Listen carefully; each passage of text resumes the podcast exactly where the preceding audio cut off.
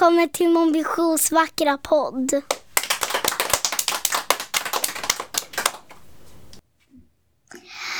Kapitel 21 Rusten och to Tobsi riggade snabbt upp hissen i takfönstret medan jag och skorstensbarnen gled ner för ilorna firade Nikolas och Issa långsamt ner i ljus, ljus, ljusgården. Stående på en bred, bred planka, ho, planka. Ho, ho, hoj, hojade Nikol, Nikolasson. Finns det några skurkaktiga förstnistar här? Det blev dödstysta i leksakspalatset. Smånissarna stirrade på Nikolasson och Issa eh, med gapande munnar. Direktör von Stump, som egentligen hette Stumpe, verkade lika häpen. Han först när Nissa hissade landen och Först när hissen landade och Nikolasson tog ett kliv ut på golvet bröt förtrollningen. Um, det är Nikolasson, köttnissarna. Nikola, Nikolasson är tillbaks. Stumpen förstod nog att spelet var över. Med, medan småmissarna jublade runt. Nikolasson försökte smita, men det skulle han inte ha gjort. Hallå där, sa Nikolasson och högg honom i kragen. Vart är du på väg? Stumpen sprattlade i Nikolas jättelika näve. Um, så, så, så, roligt att se dig, chefen, stammade det han. Jag har tagit hand om allt medan du var borta. Nikolasson nickade bistert. Jo, jag ser det, sa han. Varför har du inte overall på dig? Stumpe tittade ner på sin, sin kostym. Overall, alltså, sa han nervöst.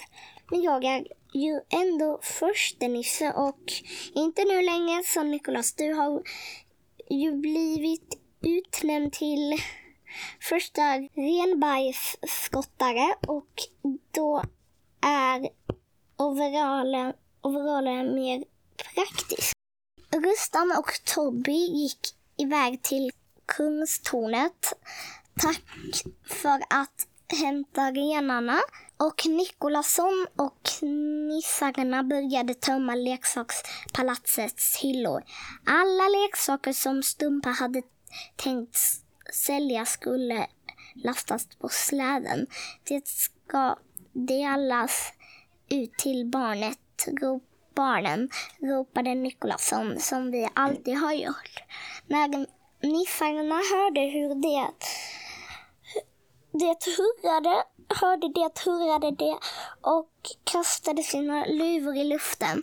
Vi stannade bara för att se när Rustan lade släden, släden på leksakspalatsets tak. Rudolf kände igen mig och slickade mig på handen och även de andra. Upp, luftöppnarna verkte, verkade piggare, mycket piggare.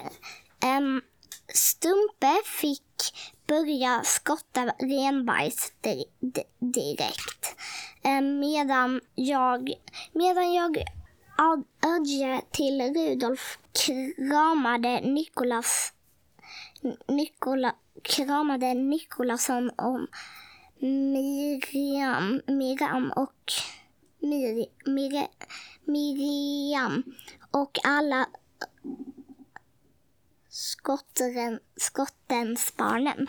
Får skottens barnen för skott, får skorstensbarnen hjälp till att dela ut julklapparna igen, Nikola, Nikolasson, sa lilla Haj. Det var så tråkigt att inte ha någon att göra för julen. Såklart att ni får, sa Nikolasson. Ni är expert, extra specialist, spickarslicknissar. Precis som vanligt. Skorstensbarnen hurrade och Nikolasson blev allvarlig. Tack för att trodde på mig, sa han. När jag inte ens trodde på mig själv. Miriam torkade bort en tår. Klart jag trodde på dig, Nikola, Nikolasson, sa hon. Det har ju gjort sedan jag var liten. Jag tänk, tänkte att jag nog fantastiskt hade tror du på jultomten när jag var yngre. På barnhemmet trodde jag att julklapparna kom i en låda från kommunen. kommunen för några tomtesisten aldrig till. Någon tomte syntes aldrig till. Men, men nu tror jag allt jag orkade. Du glömmer inte bort vår jul, våra julklappar va? Som Maggo. Det är bara ett par dagar kvar till julafton. Nikolasson skrattade så att det, den runda magen hoppade. Det är redan ordnat, sa han, men vi ses ju igen. Han packade upp mot den gula, ful, gula fula månen.